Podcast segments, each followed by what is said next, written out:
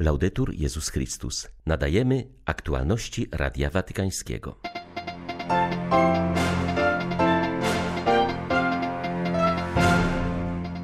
Obecność papieża jest światłem po miesiącach ciemności i pandemii, stwierdził prymas Węgier po zapowiedzi przez Franciszka wizyty nad Dunajem.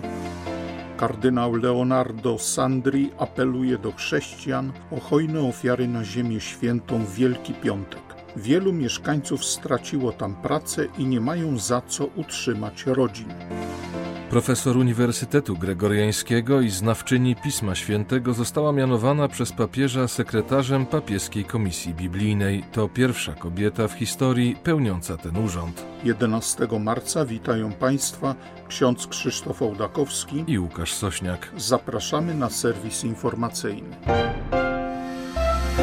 Podczas konferencji prasowej na pokładzie samolotu Ojciec Święty, zapytany przez powracających razem z nim z Iraku dziennikarzy o kolejne zagraniczne wyjazdy, zapowiedział swoją obecność na mszy kończącej Międzynarodowy Kongres Eucharystyczny, który odbędzie się na początku września na Węgrzech. Wydarzenie miało odbyć się w zeszłym roku, jednak zostało przeniesione ze względu na pandemię koronawirusa. W rozmowie z Radiem Watykańskim kardynał Peter Erdy zaznaczył, że tym razem nie ma obaw, że kongres znów się nie odbędzie. Jesteśmy przygotowani na wszystkie scenariusze związane z pandemią, zapewnił prymas Węgier. Podkreślił, że informacja o planowanej obecności Franciszka ucieszyła nad Dunajem nie tylko katolików. To dla nas wszystkich światło po miesiącach ciemności i pandemii powiedział arcybiskup Ostrzychomia Budapesztu. Przyjęliśmy tę wiadomość z wielką radością. Nasze media natychmiast podały ją dalej. Nie ma chyba wspólnoty religijnej czy grupy społecznej, która byłaby niezadowolona z przyjazdu papieża. Spotykam się jak dotąd wyłącznie z reakcjami entuzjastycznymi. Czekamy na Ojca Świętego jako na świadka nadziei, ponieważ Jego obecność da nam nadzieję po tylu miesiącach ciemności i pandemii. Jak dotąd czerpaliśmy ją z jedynego dostępnego dla nas źródła, z Najświętszego Sakramentu. Nawet jeśli w tej chwili, na przykład w Budapeszcie, publiczne msze są zawieszone z powodu pandemii, to jednak kościoły nie są zamknięte i ludzie przychodzą modlić się przed Najświętszym Sakramentem. To wzruszające widzieć, jak bardzo są spragnieni i głodni Eucharystii.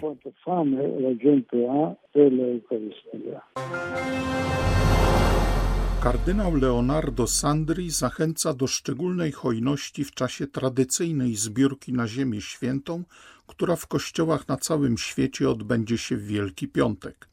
Przypomina, że chrześcijanie żyjący na tych terenach cierpią nie tylko z powodu trwających wojen, ale zostali też mocno doświadczeni ograniczeniami wprowadzonymi z powodu pandemii. Prefekt Kongregacji dla Kościołów Wschodnich przywołuje opustoszałe ulice Jerozolimy i innych miast Ziemi Świętej, w których z powodu koronawirusa zupełnie ustał ruch pielgrzymkowy i turystyczny.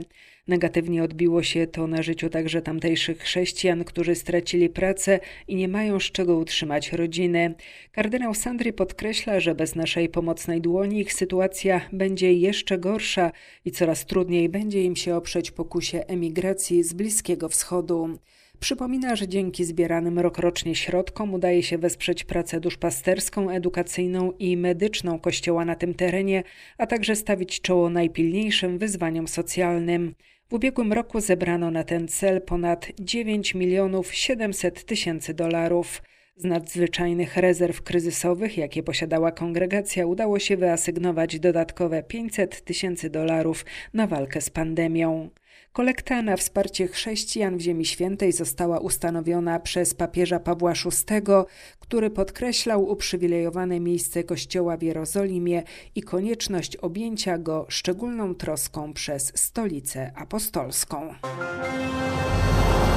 Jałmużnik papieski kardynał Konrad Krajewski przypomniał w wypowiedzi dla Radia Watykańskiego, że od paru lat pod kolumnadą Berniniego na placu Świętego Piotra funkcjonuje ambulatorium. Codziennie wielu lekarzy z klinik rzymskich przyjmuje w nich biednych. Dzisiaj wzbogaciło się ono o nowy sprzęt do analizy krwi. Kardynał Krajewski zauważył, że aparat jest bardzo prosty w użyciu, co jest bardzo ważne, ponieważ codziennie będą go obsługiwać inni lekarze. Sprzęt daje w kilka minut bardzo klarowny obraz stanu zdrowia pacjenta. Jałmużnik papieski powiedział również o historii pozyskania tego cennego i potrzebnego urządzenia. Kilka dni temu zgłosił się przedstawiciel jeden z największych firm zajmujących się sprzętem medycznym i podarował nam aparat do analizy krwi. Bardzo szybki, nowoczesny, gdzie w przeciągu bardzo krótkiego czasu możemy uzyskać 15 parametrów dotyczących morfologii krwi. Dla nas jest to bardzo istotne, ponieważ biedni, którzy przychodzą nie mając dokumentów, jednocześnie nie będąc pewnym, czy wrócą za jakiś czas, możemy dokonać wszystkich podstawowych badań i ewentualnie wysłać ich na dalsze leczenie do szpitala, jeśli nie potrafimy zrobić tego sami pod kolumnadą. To, co, co dzisiaj będzie, bym nazwał Bogu z Jego darów. Pan Bóg obdarzył nas inteligencją i dzięki tej inteligencji tworzymy takie maszyny, które ułatwiają nam pomoc innym. Więc Bogu z Jego darów dzisiaj otrzymujemy, zupełnie nie, nie, czekając na to, ani nigdzie się nie ogłaszając. Pamiętam, papież powiedział mi tak na początku, 8 lat temu. Najpierw czyny, potem słowa. Profesor Uniwersytetu Gregoriańskiego i znawczynię Pisma Świętego, hiszpańską zakonnicę Nurię Kalduch Benaches, papież Franciszek mianował sekretarzem papieskiej komisji biblijnej. Członkini Zgromadzenia Sióstr Misjonarek Świętej Rodziny z Nazaretu jest pierwszą kobietą na tym stanowisku. Brała także udział w pracach Komisji do Spraw Diakonatu Kobiet. Siostra Nuria pochodzi z Barcelony. Jest uznaną biblistką, cenioną na Uniwersytecie Gregoriańskim, gdzie od 10 lat wykłada Stary Testament. Współpracuje też z Papieskim Instytutem Biblijnym w Rzymie oraz z licznymi czasopismami specjalistycznymi. W czasie pontyfikatu papieża Franciszka kobiety coraz częściej pojawiają się na ważnych watykańskich stanowiskach. W zeszłym miesiącu papież mianował podsekretarzem Synodu Biskupów francuską zakonnicę Nathalie Becquart, która pięć lat wcześniej wzięła udział w przygotowaniach do Synodu Młodzieży. Od poniedziałku trwa zorganizowany przez penitencjarię apostolską w trybie online 31 kurs dotyczący forum wewnętrznego.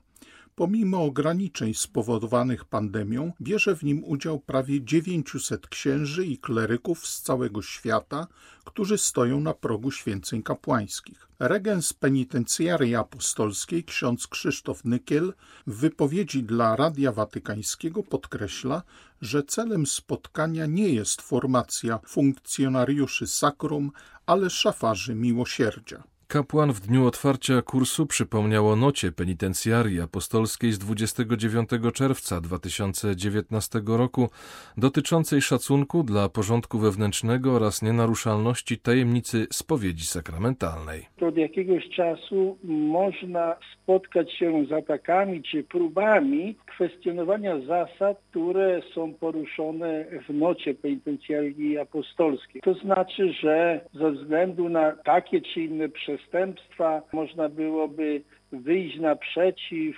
gdybyśmy uchylili nienaruszalność tajemnicy spowiedzi, wtedy łatwiej by można było znaleźć sprawcę danego czynu. Kościół nie może w żadnym wypadku uchylić się od e, tego zobowiązania, które ciąży na spowiednikach. Nie ma takiej możliwości nie dlatego, że chciałby cokolwiek ukrywać, nie dlatego, żeby chciał cokolwiek zamiatać pod dywan, ale dlatego, że to nie kapłan jest narzędziem przebaczenia, ale Bóg jest autorem przebaczenia. Chroniąc świętość sakramentu, a jednocześnie dobre imię penitenta, ten obowiązek pieczęci sakramentalnej nie może nigdy zostać e, zdjęty. Stąd też kapłan jest zobowiązany zachować tajemnicę sakramentalną spowiedzi także po śmierci penitenta. Sanktuarium męczenników koreańskich w Haemi zostało uznane przez Stolicę Apostolską za międzynarodowe miejsce pielgrzymkowe. Upamiętnia ono śmierć około dwóch tysięcy katolików, których pogrzebano żywcem w czasie prześladowań w drugiej połowie XIX wieku. Modlił się tam papież Franciszek w czasie swej podróży do Korei Południowej. Decyzję w tej sprawie podjęła papieska Rada do Spraw Nowej Ewangelizacji, której podlegają sanktuaria na świecie.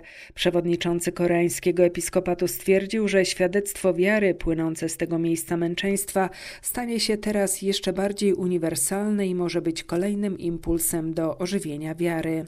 Położone na południe od Seulu sanktuarium Haemi upamiętnia około 2000 męczenników. Tylko 132 z nich znanych jest z imienia. Jest ono drugim po Seulu międzynarodowym miejscem pielgrzymkowym w Korei, a trzecim w Azji. Oprócz trzech miejsc historycznych Jerozolimy, Rzymu i Santiago de Compostela należy do nich 20 sanktuariów maryjnych na całym świecie. Konferencja Episkopatu Stanów Zjednoczonych wyraziła zaniepokojenie tym, że przyjęty przez Senat tego kraju plan ratowania gospodarki pozwoli na finansowanie aborcji z podatków federalnych.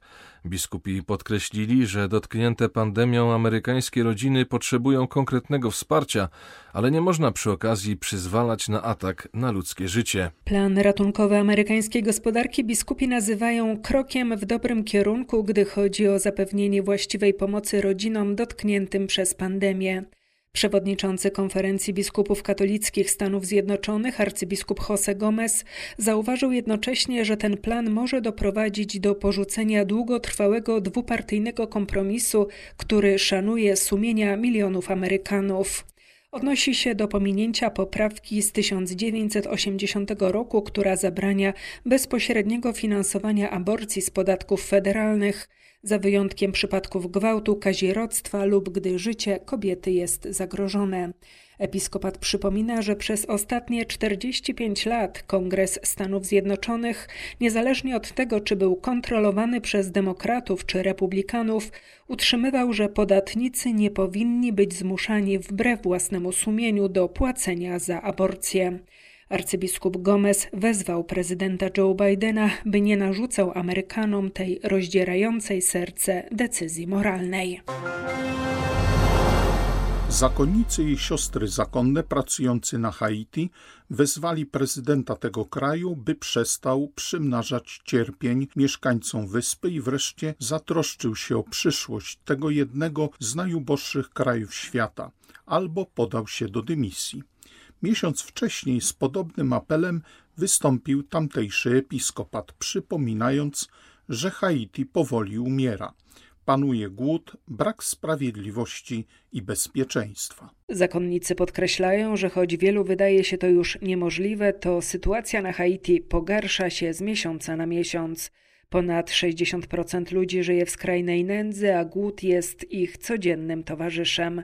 W kraju mnożą się szwadrony śmierci, które sieją strach i zniszczenie przy totalnej bierności lokalnych władz. Porwania dla okupu i morderstwa są na porządku dziennym. Haitańscy zakonnicy popierają protesty opozycji, która domaga się dymisji prezydenta, oskarżonego kolejny raz o ogromne skandale korupcyjne.